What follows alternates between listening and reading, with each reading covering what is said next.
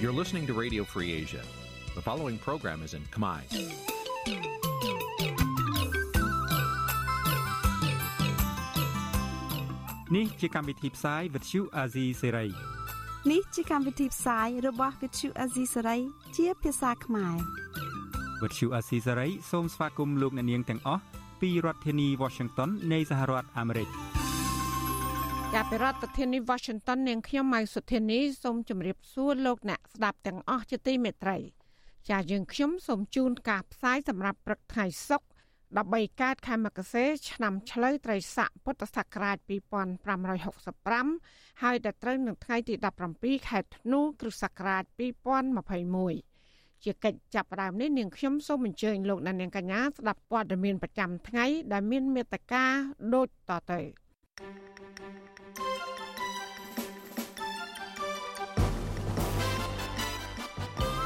សាច់ញាតិនិងសង្គមស៊ីវិលទាមទារឲ្យដោះលែងសកម្មជនបពប្រឆាំង13នាក់អ្នកនាំពាក្យគណៈបកភ្លើងទៀនថាការចាប់ខ្លួនលោកសុកវិលគឺជាការគម្រាមកំហែងមិនឲ្យបរដ្ឋចូលរួមបកលោកហាក់ជីបស្នើសុំអរដ្ឋាភិបាលកិត្តគូបញ្ហាសិទ្ធិកម្មករដែលកំពុងធ្លាក់ចុះខ្លាំង បរដ្ឋទទូចអាញាធរចាប់មេខ្លោងជួញដូរគ្រឿងញៀន83តោនមកផ្ដន្ទាទោសតាមច្បាប់រួមនឹងព័ត៌មានផ្សេងផ្សេងមួយចំនួនទៀតជាបន្តទៅទៀតនេះនាងខ្ញុំម៉ៅសុធានីសូមជូនព័ត៌មានទាំងនោះពឺស្ដាលោកណានៀងជាទីមេត្រីអង្គភាពប្រឆាំងអំពើពុករលួយ ACU បានសម្រេចឃាត់ខ្លួនជនសង្ស័យពីររូបជាមន្ត្រីស្នងការដ្ឋាននគរបាលខេត្តកំពង់ឆ្នាំងពាក់ព័ន្ធនឹងការរំលោភយកដីធ្លីនិងបំផ្លាញព្រៃលិចទឹកជុំវិញបឹងទន្លេសាបទោះបីយ៉ាងណាមន្ត្រីយោធានិងអតីតអភិបាលខេត្តមួយចំនួនទៀតដែលជាប់ពាក់ព័ន្ធនឹងករណីនេះដែរគឺនៅមិនទាន់គេឃាត់ខ្លួននៅឡើយ សេចក្តីប្រកាសព័ត៌មានរបស់អង្គភាពប្រឆាំងអំពើពុករលួយ កាលពីល្ងាចថ្ងៃទី16ខែធ្នូបានឲ្យដឹងថាជនសង្ស័យទាំងពីររូបនោះរួមមានស្នងការរងខេត្តកំពង់ឆ្នាំងលោកឧត្តមស្នេហ៍ត្រីស៊ុំសុជាតិនិងនាយការិយាល័យអន្តរកម្ម នៃស្នងការដ្ឋាននគរបាលខេត្តកំពង់ឆ្នាំងគឺលោកវិរៈស្នេហ៍ឯកកែវណារុន ការខាត់ខ្លួននេះបន្ទាប់ពី ACU បញ្ចប់ការសាកសួរដោយប្រើពេលពេញមួយថ្ងៃគឺចាប់តាំងពីព្រឹកថ្ងៃទី16ខែធ្នូពាក់ព័ន្ធនឹងការកាន់កាប់ព្រៃលិចទឹក នៅតំបន់3ក្នុងស្រុកកំពង់លែងខេត្តកំពង់ឆ្នាំងដែលជាតំបន់ហាមឃាត់នៃការកាប់ទន្ទ្រានព្រៃលិចទឹកការចាប់ខ្លួននេះធ្វើឡើងនៅបន្ទាប់ពីលោកនាយករដ្ឋមន្ត្រីហ៊ុនសែនបង្ហាញចំហជាថ្មីទៀតក្នុងការការពារបឹងទន្លេសាបជាពិសេស គឺនៅតំបន់ព្រៃរនាមឬព្រៃលិចទឹកជុំវិញបឹងទន្លេសាបការប្រកាសពីចំហបែបនេះធ្វើឡើងក្នុងកិច្ចប្រជុំពេញអង្គគណៈរដ្ឋមន្ត្រី កាលពីព្រឹកថ្ងៃប្រហ័សទី16ខែធ្នូលោកហ៊ុនសែនថារដ្ឋាភិបាល បានដាក់ចេញនៅវិធានការចាំបាច់មួយចំនួនរួមមាន បន្តចាត់វិធានការទប់ស្កាត់និងការបង្ក្រាបជាបន្ទាន់ចំពោះការលួចបំផ្លាញព្រៃលិចទឹក បែបអនាធិបតេយ្យនៅតំបន់ស្នូលនៃផ្ទៃបឹងទន្លេសាប ការវិទីទន្ទ្រានដីរដ្ឋក្នុងដែនព្រៃលិចទឹកនៃតំបន់បឹងទន្លេសាបព្រមទាំងការដកហូតយកបកគលជូនរដ្ឋវិញជាបន្តបន្ទាប់នៅដែនដីព្រៃលិចទឹកទាំងឡាយដែលបានកាន់កាប់ដោយខុសច្បាប់នៅតាមខេត្តជុំវិញបឹងទន្លេសាប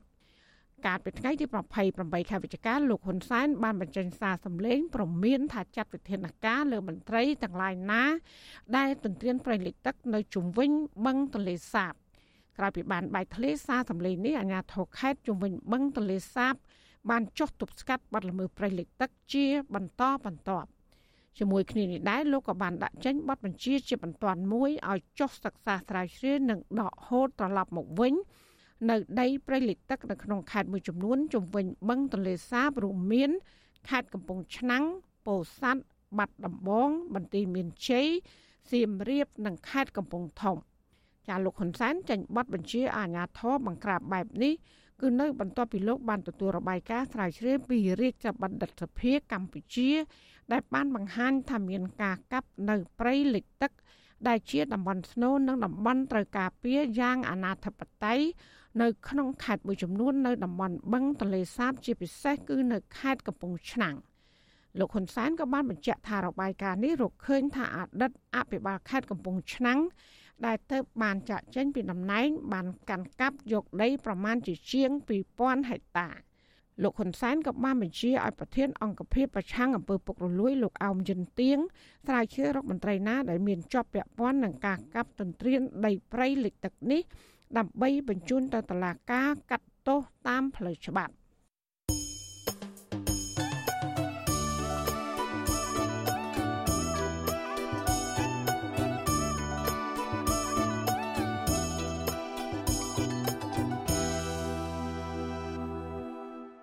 ចាលោកនាងជាទីមេត្រីសាច់ញាតិនិងមន្ត្រីសិទ្ធិមនុស្សយល់ថាដំណើរការសវនាការលើសកម្មជនបពប្រឆាំងដែលកំពុងជាប់ឃុំ គឺមានចរិតនយោបាយដែលពិបាកសង្ឃឹមក្នុងការទទួលបានយុត្តិធម៌ត្រឹមត្រូវតាមច្បាប់ ការលើកឡើងនេះក្រោយដែលតឡាការក្រុងភ្នំពេញបើកសវនាការរយៈពេលខ្លីលើសកម្មជនបពប្រឆាំងដែលកំពុងជាប់ឃុំចំនួន13នាក់ និងថ្នាក់ដឹកនាំបពប្រឆាំងមួយចំនួនទៀតដែលភៀសខ្លួនទៅក្រៅប្រទេសពាក់ព័ន្ធនឹងបទចោទរួមកំណត់ក្បត់និងបទញុះញង់កាលពីព្រឹកថ្ងៃទី16ខែធ្នូម្សិលមិញចាលោកទីនសាការីយ៉ារីកាព័ត៌មាននេះដោយសប្តាហ៍មុនដែរមន្ត្រីពន្ធនាគារបានដឹកសកម្មជនគណៈបកសង្គ្រោះជាតិដែលកំពុងជាប់ឃុំចំនួន13នាក់ដើម្បីចូលរួមសវនាការប៉ុន្តែប្រធានក្រុមប្រឹក្សាជំនុំជម្រះតុលាការរាជធានីភ្នំពេញលោករស់ពិសិដ្ឋមិនបានសួរដាញ់ដល់ពួកគេច្រើននោះទេ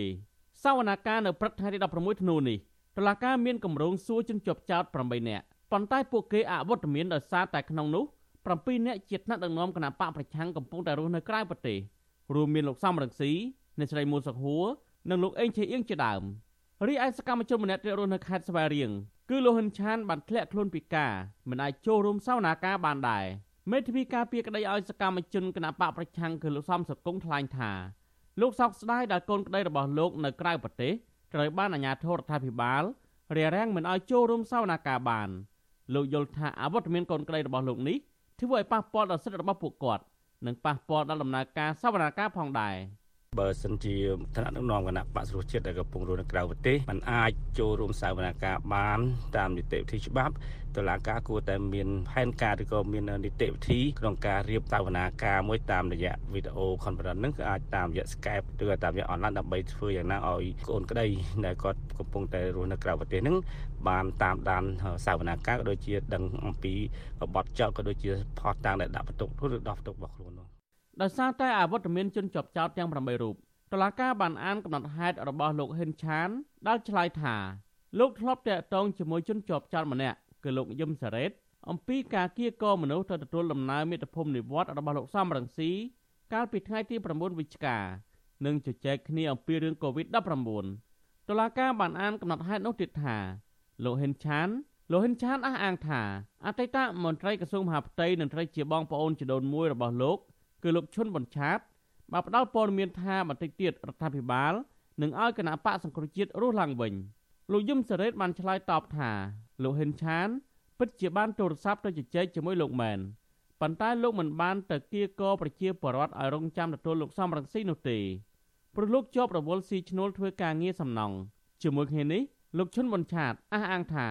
លោកបាននិយាយលេងជាមួយលោកហ៊ិនឆានតាមទូរស័ព្ទម្ដងគត់ក្នុងនាមជាបងប្អូន ប៉ុន្តែមិនបាននិយាយរឿងនយោបាយឬផ្ដល់ព័ត៌មានអ្វីនោះទេក្រោយបើកសវនាការរយៈពេលជិត1ម៉ោងតុលាការបានបិទបញ្ចប់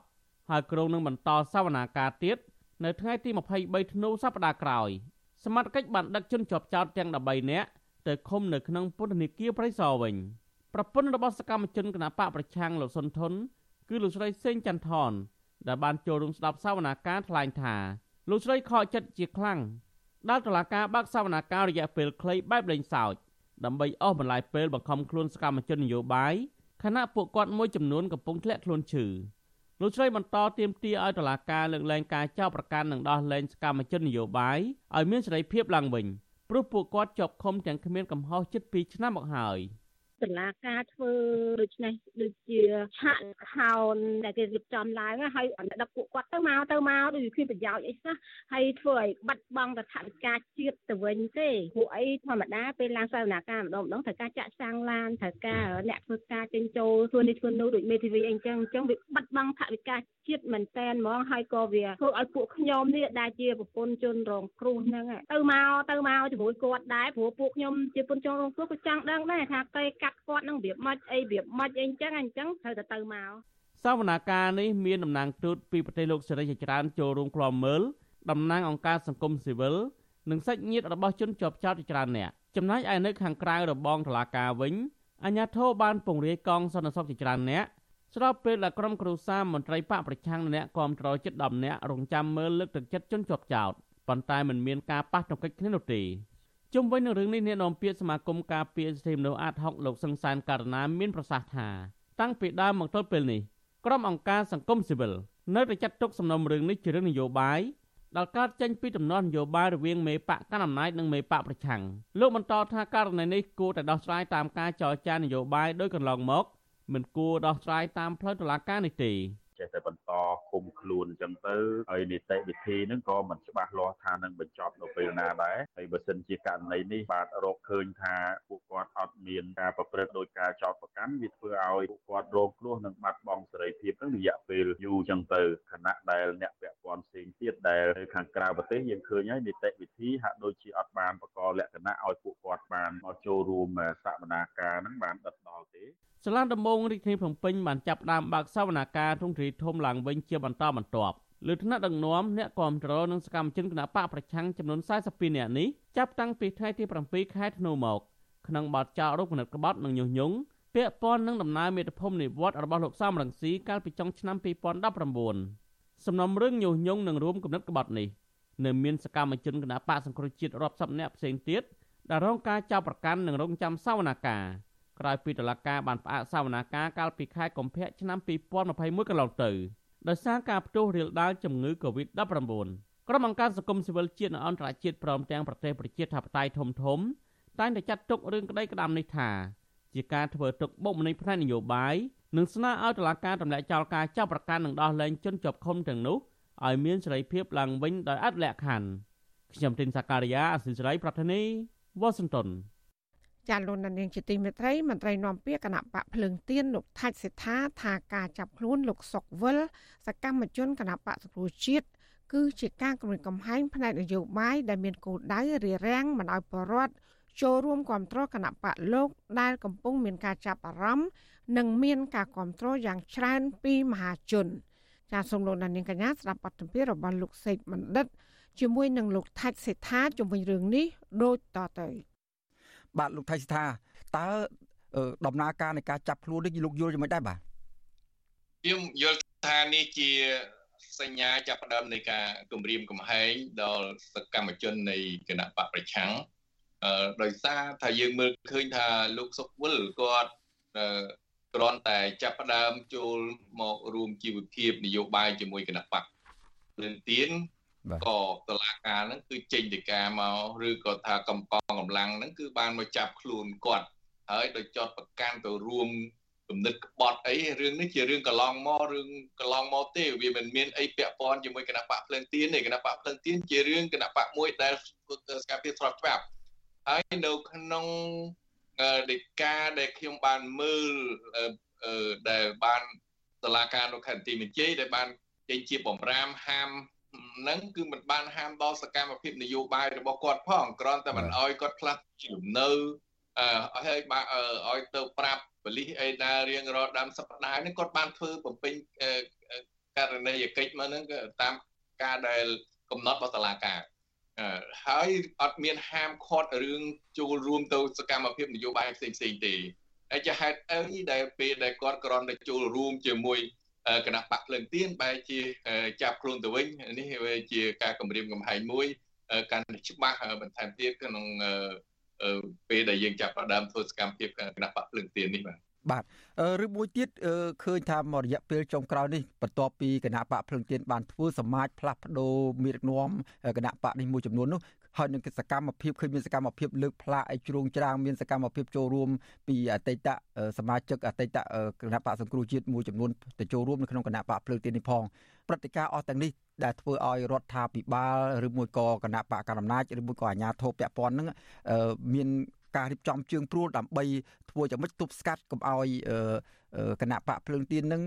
មានប្រជាប្រិយភាពឬមួយក៏មានការគ្រប់គ្រងច្រើនពីម្ចាស់ឆ្នោត ដោយគណៈបកសង្គ្រោះជាតិដែរទេមើលទៅឥឡូវនេះគ្រាន់មួយរយៈដែលខ្ញុំបានចោះទៅតាមខេត្តហ្នឹងឃើញថាវាមានទស្សនវិជ្ជានយោបាយវាល្អគួរសមដែរដោយសារมันមានឃើញការគម្រាមកំហែងអីទេក៏មានកងកម្លាំងហៅថាបលិសអីមកជួយការពារនៅពេលដែលខ្ញុំចុះទៅហ្នឹងគឺយើងថានេះវាជាសញ្ញាមួយល្អដែរប៉ុន្តែដល់ពេលឃើញការចាប់ខ្លួនហ្នឹងគឺខ្ញុំវាមានការផ្ទះផ្អើលដែរ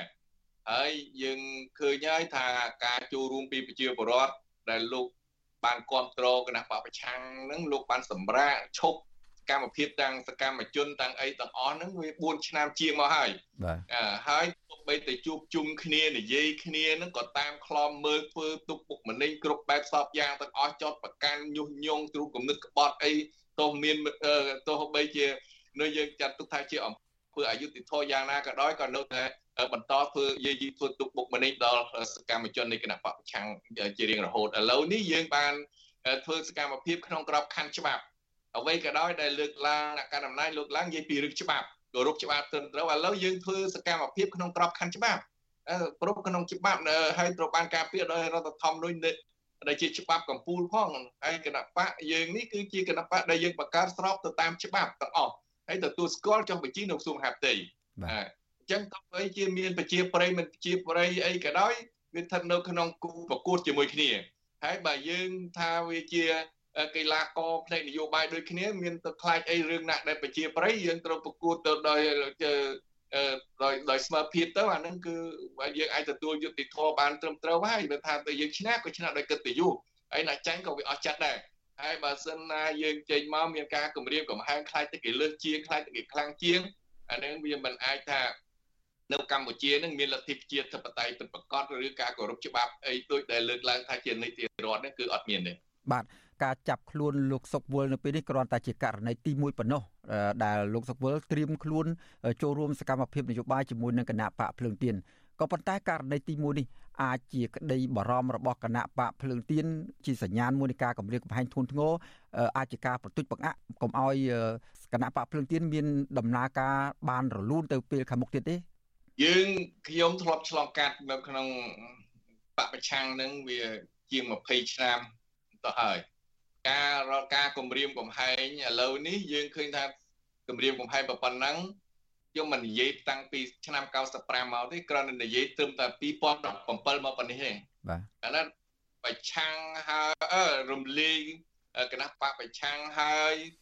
ចាប់ដាក់គុកគ្រប់បែបសពយ៉ាងឥឡូវមើលសញ្ញាតែមួយទេ ណាដែលជាប់ពន្ធនាគារទាំងអស់ចាប់ដាក់គុកហើយចាប់ដាក់ពន្ធនាគារហើយចេញមកពួកគាត់នឹងមានបាននិយាយថាគាត់បានធ្វើខុសទេហើយពួកគាត់បាននិយាយពីពាក្យថាខ្លាចទេបើគាត់នៅតែបន្តការតស៊ូបន្តទៅទៀតព្រោះគាត់បានគិតថាអ្វីដែលជាសកម្មភាពទាំងអស់នេះគឺវាស្របច្បាប់វាអត់មានខុសច្បាប់អ្វីដែលចាប់ពួកគាត់ដាក់គុកជាអង្គើអយុត្តិធម៌ហើយដូច្នេះ អីដែលយើងធ្វើសកម្មភាពក្នុងការដែលមានការគម្រាមកំហែងអីថាជាឲ្យបាក់ស្បាតឬក៏ធ្វើឲ្យជាការភ័យខ្លាចហ្នឹងខ្ញុំថាដូចជាมันអាចទៅរួចទេហើយសកម្មភាពដូចជាគណៈបកភ្លើងទៀនយើងឃើញបច្ចុប្បន្នគ្រាន់តែយើងប្រកាសឥឡូវហ្នឹងគឺមានប្រជាពលរដ្ឋសកម្មជនដែលធ្លាប់តែគ្រប់គ្រងខ្លះហ្នឹងតាំងធ្លាប់តែគ្រប់គ្រងឲ្យជប់រយៈមួយរយៈធំតាំងពីអឺ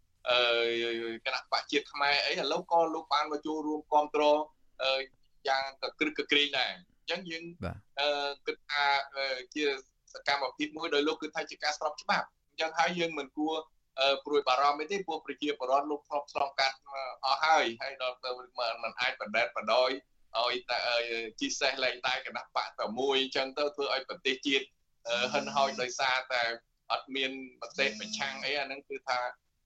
มันអាចធ្វើឲ្យប្រជាពលរដ្ឋឬសកម្មជនយើងមានការភ័យខ្លាចរហូតដល់បោះបង់ការតស៊ូនោះទេបាទបាទទោះយ៉ាងណាការចាប់ខ្លួនលោកសុកវុលនៅពេលនេះអាចជាការគម្រាមកំហែងទៅដល់អ្នកគ្រប់គ្រងផ្សេងទៀតឲ្យមានការប្រុងប្រយ័ត្នឬមួយក៏ធ្វើឲ្យពួកគាត់នឹងមានមានការភ័យខ្លាចមិនហ៊ានចូលជាសមាជិករបស់គណៈបកភ្លើងទៀនមិនហ៊ានគ្រប់គ្រងគណៈបកភ្លើងទៀនជាចំហឬមួយក៏តាមមធ្យោបាយបែបណាមួយទេលោកថៃស្ថាខ្ញុំ យល់ថាប្រជាពលរដ្ឋលើលោកកាន់តែយល់ច្បាស់ច្រើនជាងពីមុនពេលមុនបើថាធ្វើបែបហ្នឹងអាចខ្លាចមែនក៏ប៉ុន្តែឥឡូវនេះលោកដឹងថាដូចជាការប្រព័ន្ធផ្សព្វផ្សាយទៅដូចអាស៊ីសេរីនឹងលោកតាមដានណាដូច្នេះរាល់សកម្មភាពរបស់លោកចូលរួមក្នុងគណៈបកភ្លើងទៀនគឺជាសកម្មភាពស្របច្បាប់អត់មានអ្វីខុសច្បាប់បើសិនណាប្រើប្រាស់អំណាចមកចាប់ដាក់ពន្ធនាគារឬក៏ធ្វើទុកបុកម្នេញដល់ សកម្មជនគណៈបកភ្លើងទៀនអានោះគឺរឹតតែបង្ហាញច្បាស់ឲ្យឃើញកាន់តែច្បាស់ទាំងសហគមន៍ជាតិនិងអន្តរជាតិអំពីការអឺរបបផ្ដាច់ការពិតប្រាកដដែរបើសិនណាមានមានរូបភាពបែបនេះចេញគឺយើងឃើញច្បាស់ហើយថាកម្ពុជាមិនស្ថិតនៅក្នុងផ្លូវប្រជាធិបតេយ្យទេអឺអាចជ្រើសរើសក្នុងរបបផ្សេងហើយព្រោះបើប្រជាធិបតេយ្យវាត្រូវមាន បើកលំហប្រជាធិបតេយ្យសិទ្ធិសេរីភាពសកម្មភាពផ្សេងផ្សេងសម្រាប់គណៈបកប្រឆាំងហើយពីព្រោះបានកំណត់ណាប្រជាធិបតេយ្យសេរីភូបកហើយដូច្នេះបើថាពហុបកហើយត្រូវតែមានបកច្រើនហើយបកច្រើនហ្នឹងมันមិនមែនគ្រាន់តែបាក់ទៅទៅហែហមគ្រាន់តែបាក់ទៅលំអសួនទេវាត្រូវក្នុងច្រើននោះក៏មានបាក់ដែលគេពិតប្រកបបាក់ដែលគេឆ្លាញ់ជាតិពិតប្រកបបាក់ដែលប្រជាធិបតេយ្យពិតប្រកបដូច្នេះយើងឃើញហើយថាគណៈបដបកភ្លើងទៀន បានរក្សានូវជំហររបស់ខ្លួននឹងយ៉ាងរឹងមាំដដែលតាំងពី95មករហូតដល់បច្ចុប្បន្ននេះគឺអត់មានផ្លាស់ប្ដូរចំហទេគឺយើងនៅតែតស៊ូដើម្បីប្រទេសជាតិដើម្បីលទ្ធិប្រជាធិបតេយ្យដូច្នេះប្រជាបរតលោកយល់ច្បាស់ណាស់ហើយមិនត្រឹមតែប្រជាពលរដ្ឋលោកយល់ទេណាស់កាន់អំណាចក៏យល់ច្បាស់ណាស់ថាចំហរបស់គណៈបកភ្លើងទៀនគឺអត់មានអ្វីប្រែប្រួលទេអញ្ចឹងបើសិនណាមានចាប់ផ្ដើមសម្លុតគម្រាមអីបែបនេះខ្ញុំថានេះជាសញ្ញាមួយក៏មិនអាចធ្វើឲ្យការ ថមថយឬក៏ភ័យខ្លាចដល់សកម្មជននៃគណៈបកភ្លើងទៀនយ៉ាងដែរបាទអរគុណលោកថៃសិដ្ឋាដែលបានចំណាយពេលវេលាចូលរួមផ្ដល់បទសម្ភាសជាមួយនឹងវិទ្យុអស៊ីសេរីក្នុងប្រទេសនេះជំរាបលាតែប៉ុណ្្នេះសិនបាទបាទបាទសូមចាលោកនាងកញ្ញាទៅបានស្ដាប់បទសម្ភាសរបស់លោកសេកបណ្ឌិត ជាមួយលោកថៃសេដ្ឋាអំពីអាញាធរខេត្តបន្ទាយមានជ័យចាប់ខ្លួនលោកសុកវិលដាក់ពន្ធនាគារបន្ទាប់ពីលោកបានត្រៀមខ្លួនទៅចូលរួមនយោបាយជាមួយនឹងគណៈបកភ្លើងទៀន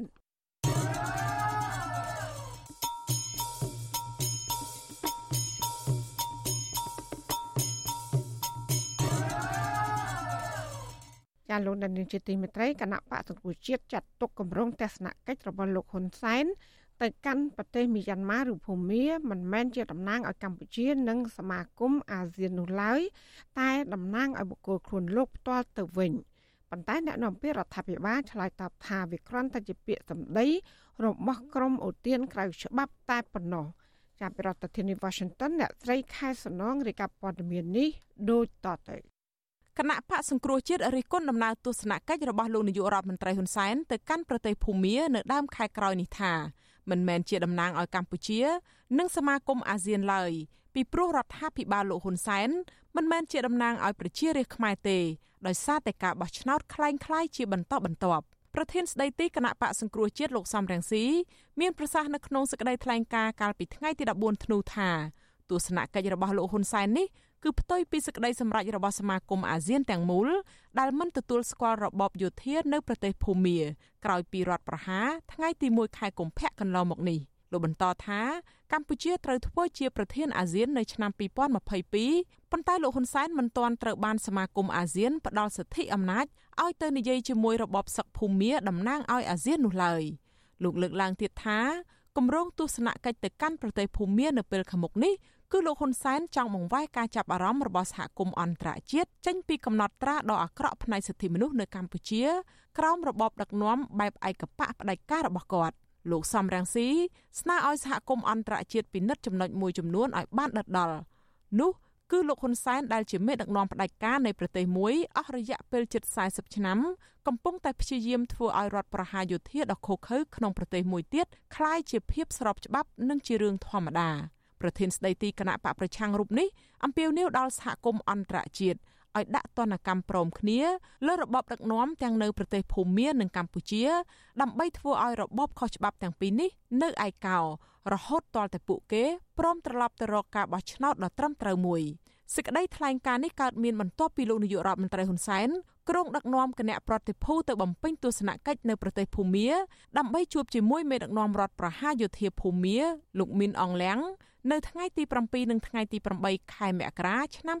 2022ខាងមុខអ្នកនាំពាក្យគណៈបកប្រជាជនកម្ពុជាលោកសុកអេសានចាត់ទុកសេចក្តីថ្លែងការណ៍របស់លោកសំរងស៊ីថាជាការនិយាយតាមតែនឹកឃើញលោកថាលោកហ៊ុនសែន ទៅទស្សនកិច្ចនៅប្រទេសភូមាក្នុងនាមជានាយករដ្ឋមន្ត្រីស្របច្បាប់របស់កម្ពុជា និងក្នុងតួនាទីជាប្រធានអាស៊ាននៅឆ្នាំក្រោយចេះតែនិយាយខ្លាំងខ្លាយអត់តាទទួលស្គាល់ក៏ប៉ុន្តែឥឡូវសួរតាណាមិនទទួលស្គាល់ប្រទេសអឺរ៉ុបប្រជុំទៅចប់ថ្មីថ្មី51ប្រទេសទៅប្រជុំក្រោមការដឹកនាំប្រធានប្រជុំគឺកម្ពុជាម្ចាស់ផ្ទះទៅទៀត បកគុំមានអាកូវីដហ្នឹងគេទៅពេញទឹកពេញដីពេញតែប្រទេសកម្ពុជានឹងហើយអញ្ចឹងបានគេថាតនដិននិយាយប្រមាថឆន្ទៈប្រជាពលរដ្ឋលោកនាយករដ្ឋមន្ត្រីហ៊ុនសែនបានប្រកាសថាលោកមិនអាចធ្វើការជាមួយអ្នកណាផ្សេងក្រៅពីលោកមិនអង្លាំងនោះឡើយព្រោះមេដឹកនាំយោធាភូមាជាអ្នកកំពុងកាន់អំណាចលោកហ៊ុនសែនអះអាងម្ដងទៀតថាការព្យាយាមទាញប្រទេសភូមាត្រឡប់មកវិញនេះជាការអនុវត្តតាមធម្មនុញ្ញអាស៊ាន និងជាការសង្គ្រោះអង្គការតំបន់មួយនេះដែលលោកថាកំពុងបែកបាក់គ្នាដោយសារវិបត្តិនៅភូមាជុំវិញបញ្ហានេះអ្នកតាមដានស្ថានភាពនយោបាយលោកវ៉ាន់ចាន់ឡូតយល់ថាលោកហ៊ុនសែននៅតែអាចធ្វើទស្សនកិច្ចនៅប្រទេសភូមាក្នុងនាមជាប្រធានអាស៊ានបាន តែបើសិនទស្សនកិច្ចនោះមានការសុំក្រឡុំនឹងរបបផ្ដាច់ការភូមាវិញរដ្ឋាភិបាលកម្ពុជានឹងរងការរិះគន់និងទណ្ឌកម្មជាបន្តបន្ទាប់ពីសំណាក់អន្តរជាតិនិងប្រទេសក្នុងតំបន់អាស៊ានដូចគ្នា លោកបន្តថាប្រសិនបើលោកហ៊ុនសែនចង់ដោះស្រាយវិបត្តិនយោបាយនៅភូមាឲ្យមានប្រសិទ្ធភាពលុះត្រាតែដោះស្រាយវិបត្តិនយោបាយនៅកម្ពុជាជាមុនសិនពិសេសត្រូវស្ដារលទ្ធិប្រជាធិបតេយ្យនិងការគោរពសិទ្ធិមនុស្សព្រមទាំងរៀបចំឲ្យមានការបោះឆ្នោតដោយសេរីនិងយុត្តិធម៌កម្ពុជាគឺនៅតែត្រូវការប្រទេសដទៃនៅក្នុងអាស៊ាន ចូលរួមជាមួយកម្ពុជាកម្ពុជាមិនអាចសម្រេចអ្វីជាអត្តនោម័តឬក៏ធ្វើអ្វីតាមតែអំពើចិត្តបានទេនឹងទទួលរងនៅការរិះគន់ពីប្រទេសនៅក្នុងអាស៊ានផងហើយក៏ដូចជាប្រទេសសេរីនៅនៅសកលលោកផងថាកម្ពុជាគ្រាន់តែជាកូនអុករបស់ចិនដើម្បីសម្ដែងកខោនជាមួយរបបយោធាភូមេដែលកំពុងតែប្លន់អំណាចសប្តាហ៍ហើយត្រូវបានតុលាការអន្តរជាតិ កាត់ទោសពីបទឧក្រិដ្ឋប្រឆាំងនឹងមនុស្សជាតិគណៈបកប្រឆាំងអង្គការសិទ្ធិមនុស្សអន្តរជាតិនិងអ្នកតាមដានស្ថានភាពនយោបាយបានរិះគន់រដ្ឋាភិបាលលោកហ៊ុនសែនថាកំពុងដើរផ្លូវខុសក្នុងការដោះស្រាយវិបត្តិនៅភូមា និងកំពុងនាំភាពប្រឆាក្នុងតំបន់អាស៊ានរីឯប្រជាពលរដ្ឋភូមាមួយចំនួនវិញ ពួកគេបានថ្កោលទោសលោកហ៊ុនសែនចំពោះដំណើរទស្សនកិច្ចទៅកាន់ប្រទេសនេះ ពួកគេបានទាមទារឲ្យលោកហ៊ុនសែនដកខ្លួនថយពីអ ுக ្រិតកម្មរបស់ពួកយោធាភូមាបើពុំនោះទេបរិះខ្លាំងនៃកម្ពុជារូបនេះនឹងក្លាយជាសត្រូវរបស់ពលរដ្ឋភូមាថ្មីថ្មីនេះទៀតសោតមន្ត្រីជាន់ខ្ពស់ក្រសួងការបរទេសអាមេរិកក៏បានជំរុញកម្ពុជាកុំឲ្យធ្វើសម្បទានណាមួយទៅឲ្យរបបសឹកភូមាក្នុងពេលដែលខ្លួនធ្វើជាប្រធានអាស៊ានផងដែរចា៎នេះខ្ញុំខែសុណងវັດឈូអាស៊ីសេរីរាយការណ៍ពីរដ្ឋធានី Washington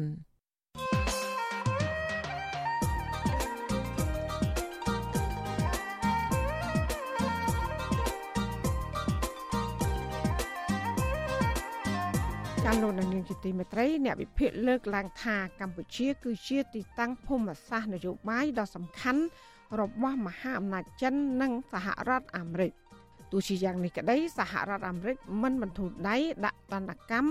លើរដ្ឋាភិបាលក្រុងភ្នំពេញដោយសារតែរដ្ឋាភិបាលមិនបានស្ដារលទ្ធិប្រជាធិបតេយ្យនិងរំលោភសិទ្ធិមនុស្សស្របពេលដែលចិនកំពុងតែបង្កើនការជួយជ្រោមជ្រែងនិងគ្រប់គ្រងរដ្ឋាភិបាលរបស់លោកហ៊ុនសែន ឥតរាថយនោះឡើយតើរដ្ឋាភិបាលកម្ពុជាពិតជាដឹកនាំប្រទេស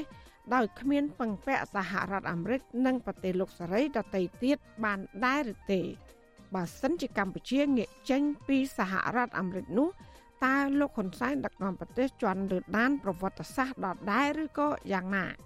ចាសសូមលោកនាងកញ្ញារងចាំស្ដាប់នឹងទេសនានេតិវេទិកាអ្នកស្ដាប់អាស៊ីសេរី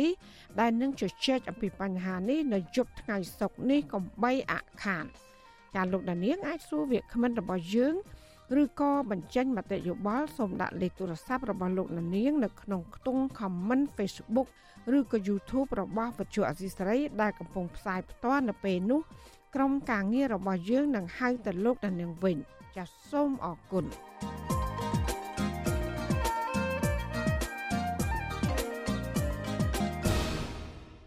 ចាលោកនាងជាទីមេត្រីលោកហ៊ុនសែនអះអាងថាវិស័យកាត់ដេរឆ្នាំ2021នេះគឺបានកើនឡើង13%បើធៀបនឹងឆ្នាំ2020កន្លងទៅទោះយ៉ាងណាក្រមមន្ត្រីសហជីពលើកឡើងថាទន្ទឹមនឹងកំណើនវិស័យនេះឡើងវិញប៉ុន្តែសិទ្ធិកម្មករបែរជាធ្លាក់ចុះពីព្រោះរដ្ឋាភិបាលយកចិត្តទុកដាក់លើក្រុមថៅកែច្រើនជាងកម្មករចាប់នេះគឺជាសេចក្តីរាយការណ៍របស់លោកយុនសមៀនពីរដ្ឋធានី Washington មន្ត្រីសហជីពស្វាគមន៍ចំពោះការកើនឡើងវិញនៃវិស័យកាត់ដេរដល់13%នៅក្នុងឆ្នាំនេះប៉ុន្តែពួកគេស្នើទៅរដ្ឋាភិបាលត្រូវគិតគូរពីសុខទុក្ខកម្មករផងដែរប្រធានសហព័ន្ធសហជីពកម្ពុជាអ្នកស្រីយ៉ាងសុភ័ណ្ឌសង្កេតឃើញថាចាប់តាំងពីមានវិបត្តិជំងឺ Covid-19 មកទល់ពេលនេះភាគីថៅកែបានដំឡើងប្រាក់ឈ្នួលតិចតួចប៉ុណ្ណោះឲ្យកម្មករ ប៉ុន្តែថៅកែបានបន្ថែមការងារច្រើនទ្វេដង និងមានការគម្រាមកំហែងបញ្ឈប់កម្មករដែលមិនបានបំពេញការងារតាមតម្រូវការនៃសង្វាក់ផលិតកម្ម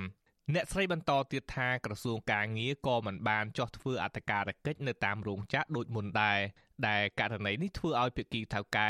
គៀបសង្កត់និងបំបិតសិទ្ធិកម្មករតាមទំនឹងចិត្ត ឥឡូវគួរតែមានការកែប្រែក្នុងការផ្ដល់ប្រយោជន៍ឲ្យបងប្អូនកម្មករមិនឧទាហរណ៍ថាឥឡូវឆ្នាំក្រោយមានការតម្លើងប្រាក់ឈ្នួលអញ្ចឹងយើងគិតថាគួរតែមានការគិតគូរទៅដល់ពួកគាត់ដើម្បីឲ្យពួកគាត់បានទទួលប្រាក់ឈ្នួលមួយដែលពួកគាត់អាចរស់បានណាដែល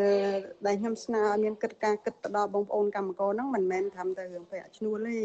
សំបីតែការផ្ដល់ពាក់ព័ន្ធជាមួយនឹងការគិតគូរអំពីកិច្ចគាំពារសង្គមការយកចិត្តទុកដាក់ទៅលើសុខុមាលភាពរបស់បងប្អូនកម្មករ ស្រដៀងគ្នានេះដែរប្រធានសហជីពការងារកម្ពុជាលោកអាត់ថុនសង្កេតឃើញថាពេលនេះកម្មករស្ទើរទាំងអស់មានការងារធ្វើឡើងវិញហើយនៅរយៈពេល6ខែចុងក្រោយនៃឆ្នាំ2021នេះទោះបីជាយ៉ាងណាលោកថាបញ្ហាប្រឈមមួយចំនួនរបស់កម្មករក៏បានកើតឡើងវិញដែរដូចជាសិទ្ធិកម្មករបានធ្លាក់ចុះកម្មករធ្វើការនឿយហត់ជាងមុនសិទ្ធិបង្កើតសហជីពត្រូវបានគេគំរាមកំហែងជាដើម លោកបន្តទៀតថាពេលមានចំនួនម្ដងម្ដងភាគីថៅកែឬនយោជកតែងឈ្នះក្តីលើកម្មករ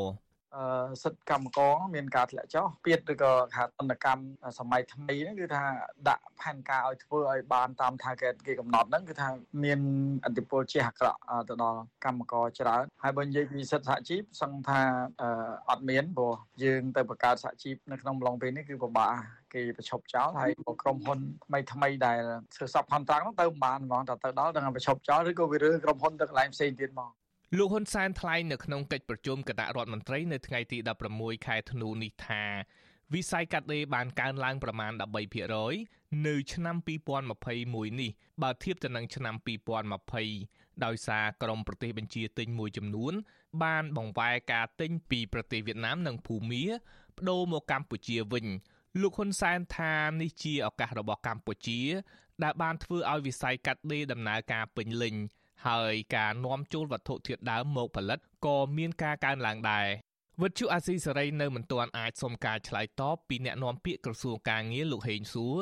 និងអគ្គលេខាធិការនៃសមាគមរោងចក្រកាត់ដេរនៅកម្ពុជាលោកហេនលូបានទេនៅថ្ងៃទី16ខែធ្នូដើម្បីសាកសួរពីក្តីកង្វល់របស់កម្មករនិងសហជីពគិតត្រឹមរយៈពេល9ខែឆ្នាំ2021នេះ ផលិតផលកាត់ដេរកម្ពុជាបាននាំចេញក្នុងទំហំទឹកប្រាក់ជាង8000លានដុល្លារបានកើនឡើងជាង800លានដុល្លារឬស្មើនឹង11កណ្ដកសញ្ញា4%ធៀបនឹងរយៈពេល9ខែដូចគ្នាកាលពីឆ្នាំ2020ទោះបីជាយ៉ាងណាក្រមសហជីពជំរុញទៅរដ្ឋាភិបាលត្រូវគិតគូរឡើងវិញពីសុខភាពកម្មករសិទ្ធិសហជីពអត្ថប្រយោជន៍របស់កម្មករដែលត្រូវបានរដ្ឋាភិបាលមើលរំលងក្នុងរយៈពេល1ឆ្នាំនេះ ខ្ញុំយុនសាមៀនវិទ្យុអាស៊ីសេរីប្រធានាធិបតី Washington លោកនាងជាទីមេត្រីរដ្ឋាភិបាលលោកហ៊ុនសែននៅមិនទាន់មានដំណោះស្រាយជាក់លាក់ណាមួយនៅឡើយជុំវិញរឿងកម្មករជិះរថយន្តប្រឈិតគ្នាដល់គ្រោះថ្នាក់សារព័ត៌មានក្នុងស្រុកដែលបានដកស្រង់សម្ដីរបស់រដ្ឋលេខាធិការក្រសួងសាធារណការនិងដឹកជញ្ជូនអ្នកស្រីមិនម៉ាន់ណាវីដែលបានចុះផ្សាយកាលពីថ្ងៃទី15ខែធ្នូ ថារដ្ឋាភិបាលបានដាក់ចេញយុទ្ធសាស្ត្រកាត់បន្ថយគ្រោះថ្នាក់ចរាចរណ៍ដែរតែរឿងគ្រោះថ្នាក់កម្មករនេះនៅតែជាបញ្ហានៅឡើយបញ្ហាសុខភាពកម្មករនេះត្រូវបានលើកយកទៅពិភាក្សាគ្នាក្នុងវេទិកាថ្នាក់និពន្ធនយោបាយសារព័ត៌មាន ស្ដីពីការលើកកម្ពស់សុខភាពចរាចរណ៍ផ្លូវគោកសម្រាប់កម្មករនយោជិតកាលពីថ្ងៃទី15ខែធ្នូ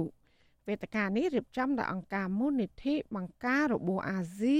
ក្រោមជំនួយឧបត្ថម្ភរបស់ទីភ្នាក់ងារសហរដ្ឋអាមេរិកសម្រាប់ការអភិវឌ្ឍអន្តរជាតិ USAID អ្នកចូលរួមក្នុងវេទិកានេះរួមមានតំណាងប្រព័ន្ធផ្សព្វផ្សាយមន្ត្រីរដ្ឋាភិបាល សហជីពសមាគមអ្នកបើកបរនិងភាគីពាក់ព័ន្ធអង្គការមូលនិធិបង្ការរបួសអាស៊ីរកឃើញថាក្នុងឆ្នាំ2020គ្រោះថ្នាក់ចរាចរណ៍55%ពាក់ព័ន្ធនឹងកម្មករធ្វើដំណើរទៅធ្វើការ ក្នុងនោះកម្មករជួបគ្រោះថ្នាក់ចរាចរណ៍183ករណីក្នុងមួយខែ និងស្លាប់កម្មករ30នាក់ព្រមទាំងរបួសធ្ងន់ជាង400នាក់ផ្សេងទៀតចាំមន្ត្រីសហជីពធ្លាប់បានថ្នើសុំជាច្រើនលើកច្រើនគ្រាអរដ្ឋាភិបាល និងថៅកែរោងចក្រដោះស្រាយនិងជួយសម្រួលឲ្យកម្មកររោងចក្រអាចធ្វើដំណើរទៅធ្វើការដោយមិនត្រូវឈរជិះរថយន្តប្រឈៀតគ្នាដោយម្រាមដៃ ដែលប្រថុយគ្រោះថ្នាក់ធ្ងន់ធ្ងរនិងច្រើនគ្នានៅពេលរថយន្តដឹកពួកគាត់ មានគ្រោះថ្នាក់ជាយថាហេតុកាលអំឡុងផ្ទុះជំងឺ Covid-19 ដំបូងដំបូងពួកគាត់ក៏បានស្នើយ៉ាងទទូចរដ្ឋាភិបាលដោះស្រាយបញ្ហានេះព្រោះបារម្ភខ្លាចកម្មករឆ្លងជំងឺ Covid-19 ប៉ុន្តែរដ្ឋាភិបាលបណ្ដោយឲ្យកម្មករបន្តជិះប្រជៀតគ្នាតាមយថាកម្ម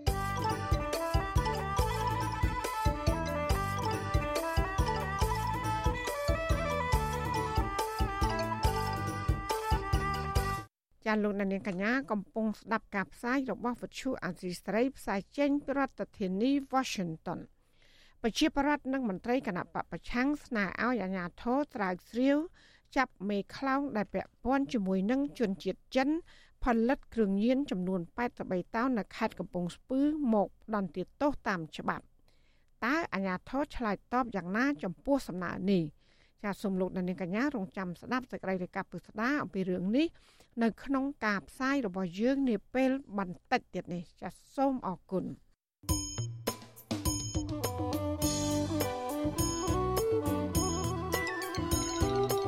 លោកនាងជាទីមេត្រីកម្មវិធីផ្សាយរបស់វិទ្យុអសីសេរីក្រៅតែពីផ្សាយតាមបណ្ដាញសង្គម Facebook YouTube លោកអ្នកនាងក៏អាចស្ដាប់ការផ្សាយរបស់យើងដំណើរគ្នាតាមរយៈរលកធាតុអាកាសខ្លីឬ short wave គឺពេលព្រឹកចាប់ពីម៉ោង5កន្លះដល់ម៉ោង6កន្លះតាមរយៈរលកធាតុអាកាសខ្លី9390 kHz ស្មើនឹងកម្ពស់ 32m និង11800 kHz ស្មើនឹងកម្ពស់ 25m ចាសម្រាប់ពេលយប់វិញគឺចាប់ពីម៉ោង7កន្លះដល់ម៉ោង8កន្លះគឺតាមរយៈរលកធាតុអាកាសខ្លី9390 kHz ស្មើនឹងកម្ពស់ 32m និង15155 kHz ស្មើនឹងកម្ពស់ 20m ចាសសូមអរគុណ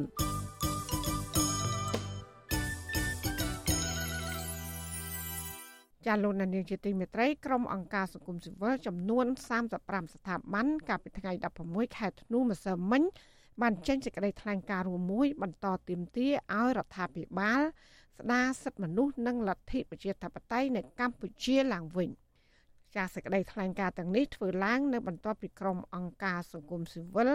បានប្រពៃទិវាសិទ្ធិមនុស្សអន្តរជាតិ10ធ្នូចាសសូមលោកដានៀងស្ដាប់សេចក្តីរាយការណ៍របស់លោកលេងម៉ាលីជំវិញព័ត៌មាននេះក្រុមអង្គការសង្គមស៊ីវិលដែលធ្វើការពាក់ព័ន្ធនឹងសិទ្ធិមនុស្សសិទ្ធិការងារសិទ្ធិដីធ្លីនិងធនធានធម្មជាតិបន្តស្នើដល់រដ្ឋាភិបាលឲ្យពិចារណាឡើងវិញ ធ្វើយ៉ាងណាត្រូវរៀបចំយុទ្ធសាស្ត្រច្បាស់លាស់ដើម្បីស្ដារសិទ្ធិមនុស្សនិងប្រជាធិបតេយ្យនៅកម្ពុជា ដែលកំពុងធ្លាក់ដុនដាបក្រុមអង្គការសង្គមស៊ីវិលទាំងនោះរួមមានអង្គការសម្ព័ន្ធភាពការពារសិទ្ធិមនុស្សកម្ពុជាហៅកាត់ថាច្រាក់សមាគម Ad hoc អង្គការ Liga do អង្គការតម្លាភាពកម្ពុជា អង្គការការពារធនធានធម្មជាតិបណ្ដាញយុវជនកម្ពុជា និងបណ្ដាញសហគមន៍ព្រៃឡង់ជាដើមប្រធានអង្គការសម្ព័ន្ធភាពការពារសិទ្ធិមនុស្សកម្ពុជាហៅកាត់ថាច្រាក់ លោករស់សថាមើលឃើញថាបញ្ហាសិទ្ធិមនុស្សនិងសិទ្ធិនយោបាយនៅកម្ពុជា កំពុងប្រឈមនឹងការធ្លាក់ចុះខ្លាំងដែលទាមទារឲ្យរដ្ឋាភិបាលត្រូវពិនិត្យឡើងវិញនិងដោះស្រាយឲ្យមានប្រសិទ្ធភាពឲ្យបានមុនការបោះឆ្នោតជ្រើសរើសក្រុមប្រឹក្សាឃុំសង្កាត់ខាងមុខនេះលោកសង្កត់ធ្ងន់ថារដ្ឋាភិបាលក៏ត្រូវធានាថានឹងមិនមានសកម្មជននយោបាយសកម្មជនបរិស្ថាន សកម្មជនដីធ្លីឬសកម្មជនសង្គមផ្សេងផ្សេងទៀតទទួលរងការធ្វើទុកបុកម្នេញដោយសារតែសកម្មភាពចូលរួមកិច្ចការនយោបាយនិងសង្គមស្របតាមរដ្ឋធម្មនុញ្ញនោះទេមានការប្រកួតប្រជែងសមរម្យបើមិនចឹងទេគឺ លទ្ធផលនៃការបោះឆ្នោតហ្នឹងគឺពិបាកទទួលយកវាទៅជាការសម្ដែងការបោះឆ្នោតអាហ្នឹងគឺរដ្ឋាភិបាលខ្លួនឯងទេដែលមិនត្រូវបានគេមិនទទួលស្គាល់ជាតិនិងអន្តរជាតិណារដ្ឋាភិបាលមានការឡើងដែលមានការគ្រប់គ្រងពីវិជាបរដ្ឋត្រូវគិតគូរទាំងសងខាងទាំងកាន់អំណាចទាំងពលប្រជែងហើយសហគមន៍អន្តរជាតិដែលគឺគេថាចុងផ្ដើមនៅសិទ្ធិមនុស្សនិងប្រជាធិបតេយ្យនិងការអភិវឌ្ឍនៅក្នុងប្រទេសកម្ពុជាណាទៅតាមស្មារតីគេព្រមព្រៀងសន្តិភាពក្រុងប៉ារីសនោះ សេចក្តីថ្លែងការណ៍3ទំព័របានបង្ហាញពីចំណុចស្នូលមួយចំនួនរួមមានការទាមទារដល់រដ្ឋាភិបាលថាត្រូវបើកឲ្យមានការបោះឆ្នោតដោយសេរីនិងយុត្តិធម៌រួមទាំងទម្លាក់បទចោទប្រកាន់ទាំងឡាយចំពោះអ្នកនយោបាយកែតម្រង់សមាជិកនៃគណៈកម្មាធិការជាតិរៀបចំការបោះឆ្នោតឲ្យឯករាជ្យទុកចិត្តបាន ដើម្បីធានានូវតម្លាភាពការបោះឆ្នោតដោយសេរីនិងយុត្តិធម៌អនុវត្តនិងគោរពសិទ្ធិមនុស្សឲ្យស្របតាមច្បាប់ជាតិនិងអន្តរជាតិ ផ្ដល់សំណងសមរម្យដល់គម្រោងអភិវឌ្ឍដែលប៉ះពាល់ដល់ទ្រព្យសម្បត្តិឯកជនដូចជាគម្រោងអភិវឌ្ឍវាលយន្តហោះអន្តរជាតិភ្នំពេញថ្មីជាដើមផ្អែកតាមរដ្ឋធម្មនុញ្ញនិងច្បាប់ជាតិពាក់ព័ន្ធធានានិរន្តរភាពបរិស្ថាន ដោយអនុញ្ញាតឲ្យពលរដ្ឋមានសិទ្ធិចូលរួម ការពារនិងប្រើប្រាស់ធនធានធម្មជាតិដោយសកម្មនិងមានសុវត្ថិភាពជុំវិញរឿងនេះប្រធានសមាគមសិទ្ធិមនុស្សអាតហុកលោកនីសុខាសង្កេតឃើញថា ចាប់តាំងពីការរំលាយគណៈបកប្រឆាំងសេរីភាពបញ្ចេញមតិសេរីភាពជួបជុំនិងសេរីភាពសកម្មក្នុងរឿងនយោបាយរបស់ពលរដ្ឋកាន់តែរួមតូចទៅតូចទៅគួរឲ្យព្រួយបារម្ភប្រការនេះក្រុមអង្គការសង្គមស៊ីវិលបានធ្វើសេចក្តីថ្លែងការណ៍ដើម្បីផ្ញើសារទៅរដ្ឋាភិបាលឲ្យយកចិត្តទុកដាក់ដោះស្រាយឲ្យមានប្រសិទ្ធភាព។ ដូច្នេះអានេះវាជាការព្រួយបារម្ភមួយរបស់អង្គការសង្គមស៊ីវិលហើយដែលយើងបានធ្វើសេចក្តីថ្លែងការណ៍នេះក្នុងគោលដៅបង្ហាញទៅដល់រដ្ឋាភិបាលដើម្បីធ្វើយ៉ាងណាឲ្យរដ្ឋាភិបាលយកចិត្តទុកដាក់ក្នុងការដោះស្រាយនិងបើកនៅលំហសេរីភាពទាំងអស់នឹងឡើងវិញ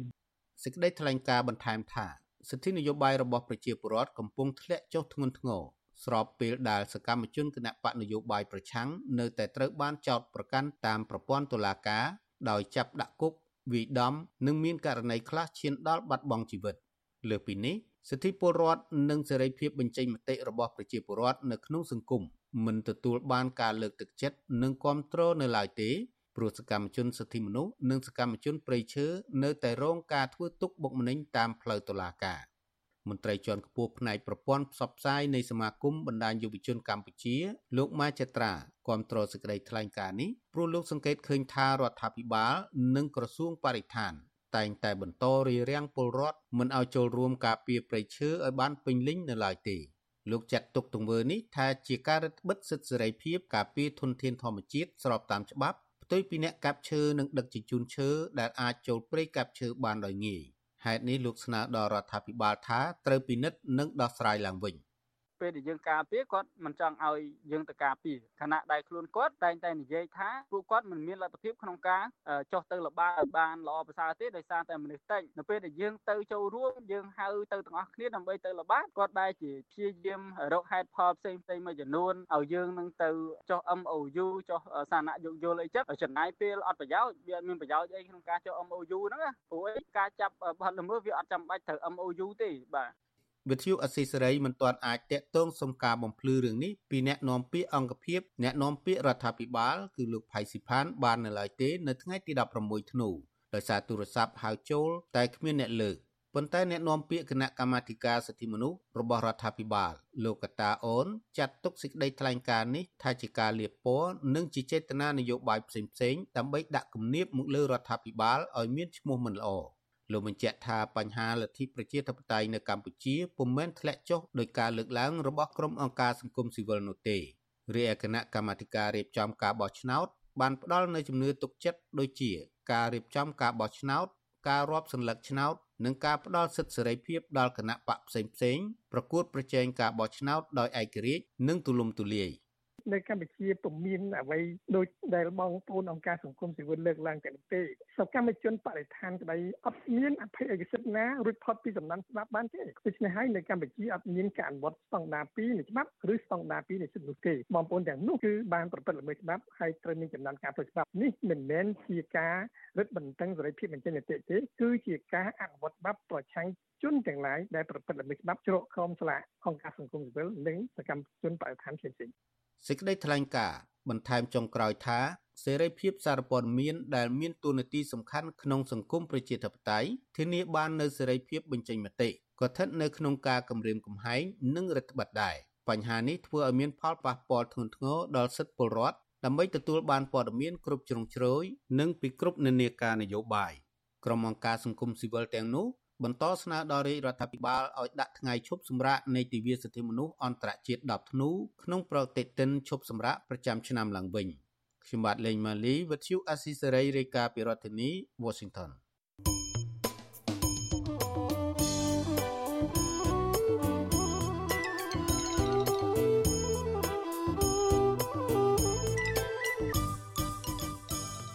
ចាលោកនាយកជាទីមេត្រីប្រជាប្រដ្ឋខ្មែររាប់រយគូសាដាក់ញត្តិ សូមឲ្យតឡាការរដ្ឋ Georgia សហរដ្ឋអាមេរិក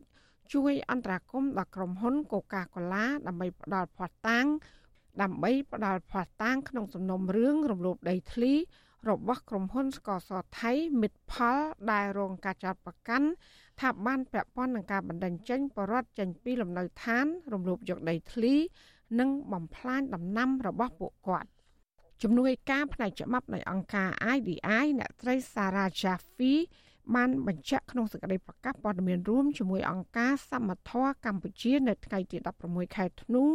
ថាអង្គការអ្នកស្រីបានដាក់សំណើសុំឲ្យតុលាការនៅទីក្រុង Atlanta រដ្ឋ Georgia បញ្ជាឲ្យក្រុមហ៊ុន Coca-Cola ផ្ដល់ភស្តុតាងសម្រាប់ប្រើប្រាស់ក្នុងបណ្ដឹងនេះស្ថាប័នជំនួយច្បាប់បរទេសរបស់សហរដ្ឋអាមេរិកអនុញ្ញាតឲ្យតុលាការអាមេរិកជួយដល់ភាគីបរទេសដើម្បីទទួលបានភស្តុតាង ពីក្រុមហ៊ុនកូកាកូឡានេះដែលមានមូលដ្ឋាននៅសហរដ្ឋអាមេរិកចាសសេចក្តីប្រកាសព័ត៌មាន បន្តថានេះគឺជាករណីបណ្ដឹងសមូហភាពឆ្លងទ្វីបជាលើកដំបូងនៅអាស៊ីស្ដីពីការរំលោភសិទ្ធិមនុស្សនិងការរំលោភដីធ្លីរបស់ប្រជាប្រដ្ឋខ្មែរ អ្នកស្រីបន្តថាក្រុមហ៊ុន Coca-Cola មានព័ត៌មាន អំពីសកម្មភាពរបស់ក្រុមហ៊ុនថៃមិត្តផលហើយដើមបណ្ដឹងនិងតឡាការថៃសំតែទទួលបានភ័ស្តុតាងនៃសកម្មភាពទាំងនេះកាលពីឆ្នាំ2018បរដ្ឋខ្មែររាប់រយកុសាដែលជាដើមបណ្ដឹងបានដាក់ពាក្យប្តឹងទៅតុលាការថៃដោយចាត់ប្រកាន់ក្រុមហ៊ុនស្ករសថៃមិត្តផល ពីបទសំគំនិតក្នុងការបណ្ដេញប្រជាប្រដ្ឋជាង700គ្រួសារដោយហិង្សានៅខេត្តឧត្តរមានជ័យចន្លោះពីឆ្នាំ2008ដល់ឆ្នាំ2009ក្នុងចំនួនដីធ្លីនេះប្រជាប្រដ្ឋរងគ្រោះត្រូវបានគេរឹបអូនដីធ្លីដំណាំត្រូវបានកំទេចចោលហើយផ្ទះសម្បែងរបស់ពួកគាត់ក៏ត្រូវបានដុតបំផ្លាញកាលពីឆ្នាំ2015គណៈកម្មាធិការសិទ្ធិមនុស្សថៃបានរកឃើញពីការទទួលខុសត្រូវ របស់ក្រុមហ៊ុនថៃនេះនឹងជំរុញឲ្យក្រុមហ៊ុនដោះស្រាយផលប៉ះពាល់នឹងការខូចខាតក៏ប៉ុន្តែរហូតមកដល់ពេលនេះដើមបណ្ដឹងនៅមិនទាន់បានទទួលសំណងនៅឡើយកាលពីខែកក្កដាឆ្នាំ2020កន្លងទៅនេះសាលាឧទ្ធរថៃសម្រេចថាបណ្ដឹងសមូហភាពនេះ គឺសំត្របនឹងកំពុងឈានទៅដល់ការជំនុំជម្រះដែលត្រូវបានការពារដោយក្រុមមេធាវីថៃពីមូលនិធិមជ្ឈមណ្ឌលធនធានសហគមន៍ និងសមាគមមេធាវីការពារសិទ្ធិស្របច្បាប់ ដោយមានការគ្រប់គ្រងពីអង្គការ IDI និងអង្គការសមត្ថៈកម្ពុជា ដែលតំណាងឲ្យប្រជាកម្ពុជារាប់រយគ្រួសារទាំងនោះចាក្រុមហ៊ុនថៃមិត្តផល គឺជាក្រុមហ៊ុនស្ករអំពៅធំជាងគេនៅអាស៊ីដែលជាក្រុមហ៊ុនផ្គត់ផ្គង់ស្ករដល់ម៉ាកយីហោល្បីៗមួយចំនួន រួមមានក្រុមហ៊ុន Pepsi និងក្រុមហ៊ុន Coca-Cola ជាដើម។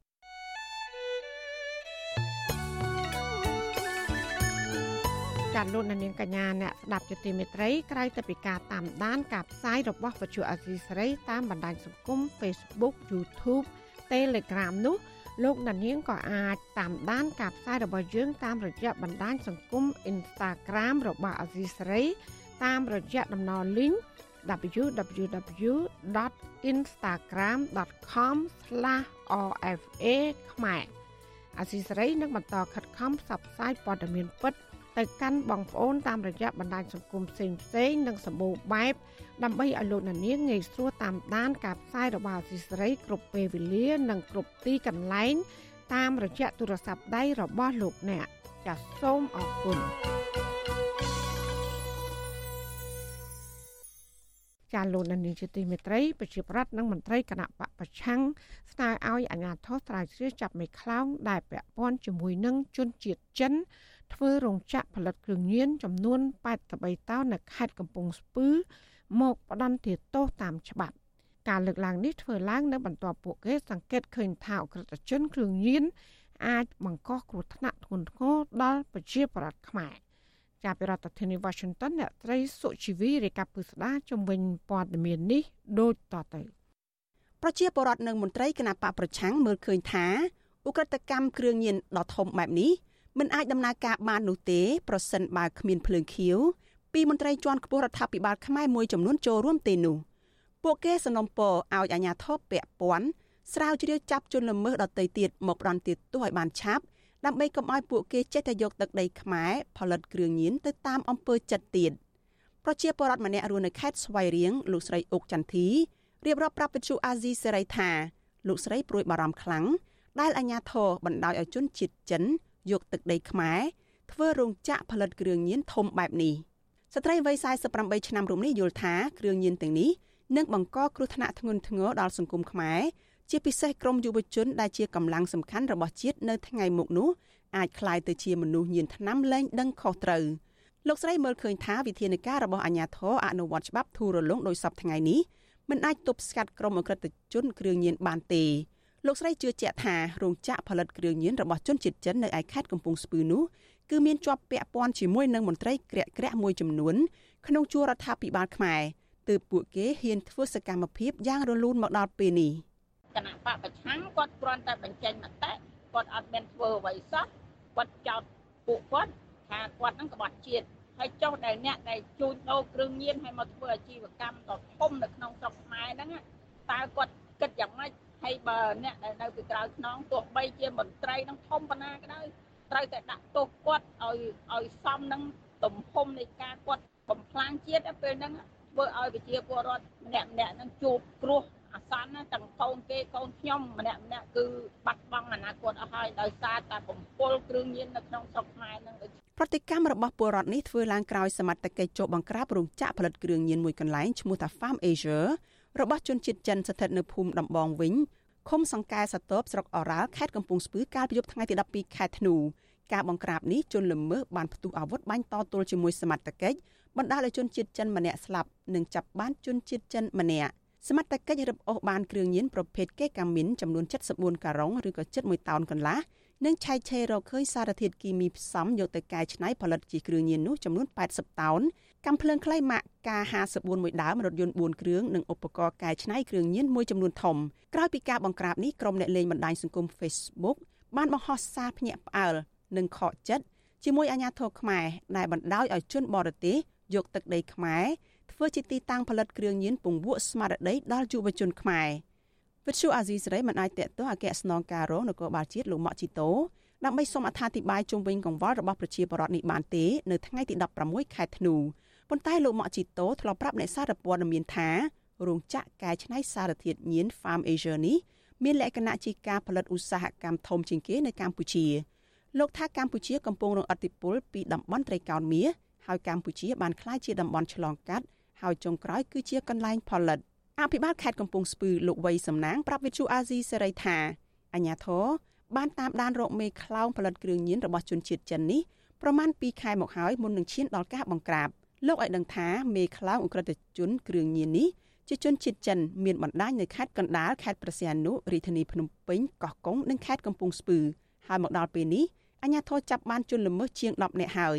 លោកបញ្ជាក់ថាជនជាតិចិនទាំងនោះបានយកទីតាំងនៅខាងក្រោយរោងចក្រកែច្នៃផ្លែស្វាយមួយកន្លែងនៅស្រុកអរ៉ាល់ផលិតគ្រឿងញៀនគឺពុំមែនពួកគេធ្វើរោងចក្រផលិតគ្រឿងញៀនដោយការជប់ផ្សាយរបស់សារព័ត៌មានមួយចំនួននោះទេ លោកបន្តថាអាញាធរក៏កំពុងស្រាវជ្រាវតាមចាប់អ្នកពាក់ព័ន្ធផ្សេងទៀតដែរចំណែកគ្រឿងញៀនដែលសមត្ថកិច្ចចាប់បាននោះលោកថាបានរក្សាទុកនៅទីតាំងដើមមួយរយៈសិនដើម្បីរកមន្ត្រីជំនាញកំទេចចោលនៅពេលឆាប់ៗខាងមុខនេះ។ចង់និយាយថារឿងនេះគឺខ្ញុំមានបណ្ដាញសម្ងាត់របស់ខ្ញុំប៉ុន្តែយើងប្រាប់អានីតិវិធីដល់ផ្សាយទៅពួកអានោះវាមិនដឹងវាមិនកិច្ចបេះអញ្ចឹងបានខ្ញុំមិនព្រមប្រាប់អំពីវិធីសាស្ត្រ នៃការរុករកនៃការអង្កេតនៃការតាមឃ្លាំមើលរបស់មន្ត្រីខ្ញុំទេតែយើងផ្សាយចេញទៅវាធ្វើឲ្យអាជនទុច្ចរិតវាភ្ញាក់ផ្អើលវារត់គេចបាត់នៅក្នុងកន្លែងរឿងផ្សេងផ្សេងទៀតដែលយើងត្រូវធ្វើយើងត្រូវធ្វើទោះយ៉ាងណាអនុប្រធានគណៈបកសង្គ្រោះជាតិលោកអេងឆៃអៀងសង្ស័យថាមានមន្ត្រីជាន់ខ្ពស់រដ្ឋាភិបាលមួយចំនួននៅពីក្រោយខ្នងនៃការផលិតគ្រឿងញៀនដ៏សម្បើមនេះព្រោះលោកមើលឃើញថារោងចក្រដ៏ធំបែបនេះជនជាតិចិនទាំងនោះ មិនអាចធ្វើសកម្មភាពបានដោយងាយស្រួលនោះទេប្រសិនបើពុំមានភ្លើងខៀវពីអាជ្ញាធរខ្មែរនោះលោកបញ្ជាក់ថាអាជ្ញាធរដែលចាប់ជនល្មើសបានជាង10នាក់នោះគឺនៅមិនទាន់គ្រប់គ្រាន់នោះទេព្រោះអាជ្ញាធរមិនបានចាប់មន្ត្រីរដ្ឋាភិបាលណាម្នាក់ដែលពាក់ព័ន្ធនឹងបញ្ហានេះមកផ្ដន់ទាទោសនៅឡើយទេ ព្រោះអានឹងដោយសារយើងខាងច្បាស់មានការពាក់ព័ន្ធច្បាស់ជាអ្នកមានអំណាចនៅពីក្រោយខ្នងអញ្ចឹងហើយបានយើងឃើញអាវិធានការរបស់អាជ្ញាធរនឹងវាហាក់បីដូចមិនមានប្រសិទ្ធភាពចំពោះការបង្ក្រាបគ្រឿងញៀនទេយើងឃើញមានហើយកើតកើតចុះកើតឡើងធ្វើចុះវិលឡើងដែរក៏ដែរហ្នឹងវាមិនទេអស់ហើយដល់មានការនៅខ្លះដូចករណីធ្វើស្មើនេះវាត្រឹមពេកធំវាមើលទៅដូចវាដែលថាមិនគួរឲ្យជឿថាស្គុនចិត្តចិននឹងអាចមកធ្វើរោងចក្រឲ្យបានបើអត់មានខ្នងបង្អែកហ្នឹង ជុំវិញរឿងនេះប្រធានអង្គការបណ្ដាញយុវជនកម្ពុជាលោកអ៊ុលវ៉ាន់យល់ថាការបង្ក្រាបអក្រិតជនគ្រឿងញៀនយ៉ាងច្រើនសម្បើមបែបនេះកាន់តែឆ្លុះបញ្ចាំងឲ្យឃើញថាជនជាតិចិនទាំងនោះបានយកប្រទេសកម្ពុជាធ្វើជាឧបករណ៍ដើម្បីផលិតគ្រឿងញៀនសម្រាប់បង្កើតមុខចំនួនថ្មីរបស់ពួកគេលោកបន្តថាបញ្ហានេះកើតឡើងដោយសារតែអាជ្ញាធរមិនសូវយកចិត្តទុកដាក់បង្ក្រាបគ្រឿងញៀននិងមិនបានត្រួតពិនិត្យល្អិតល្អន់ទៅលើជនបរទេសដែលកំពុងស្នាក់នៅកម្ពុជា លោកបញ្ជាក់ថាគ្រឿងញៀនទាំងនោះប្រសិនបើជនល្មើសចាយចាយទៅមូលដ្ឋាន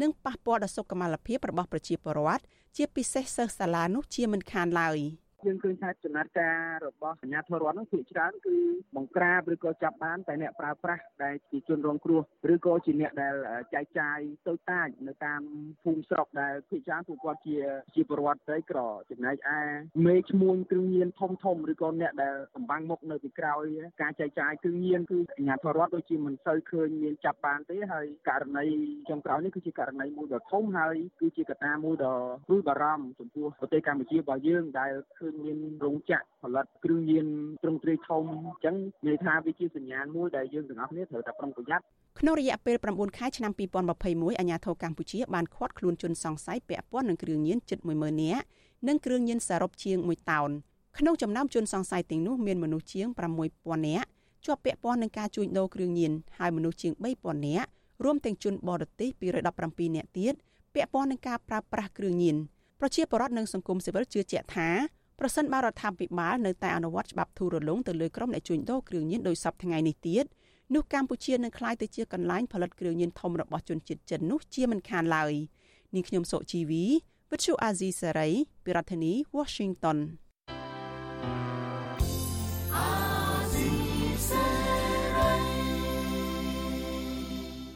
ចាលោកនាងកញ្ញាជាទីមេត្រីការផ្សាយរយៈពេល1ម៉ោងនៃវិទ្យុអាស៊ីស្រីជាភាសាខ្មែរនៅពេលនេះចាប់តែប៉ុណ្ណេះយើងខ្ញុំសូមជូនពរដល់លោកនាងព្រមទាំងក្រុមកុសាទាំងអស់សូមជួបប្រកបតែនឹងសេចក្តីសុខសេចក្តីចម្រើន ជានិរន្តរ៍ចាននាងខ្ញុំម៉ៃសុធានីព្រមទាំងក្រុមការងារទាំងអស់របស់វិទ្យុអាស៊ីស្រី សូមអរគុណនិងសូមជម្រាបលា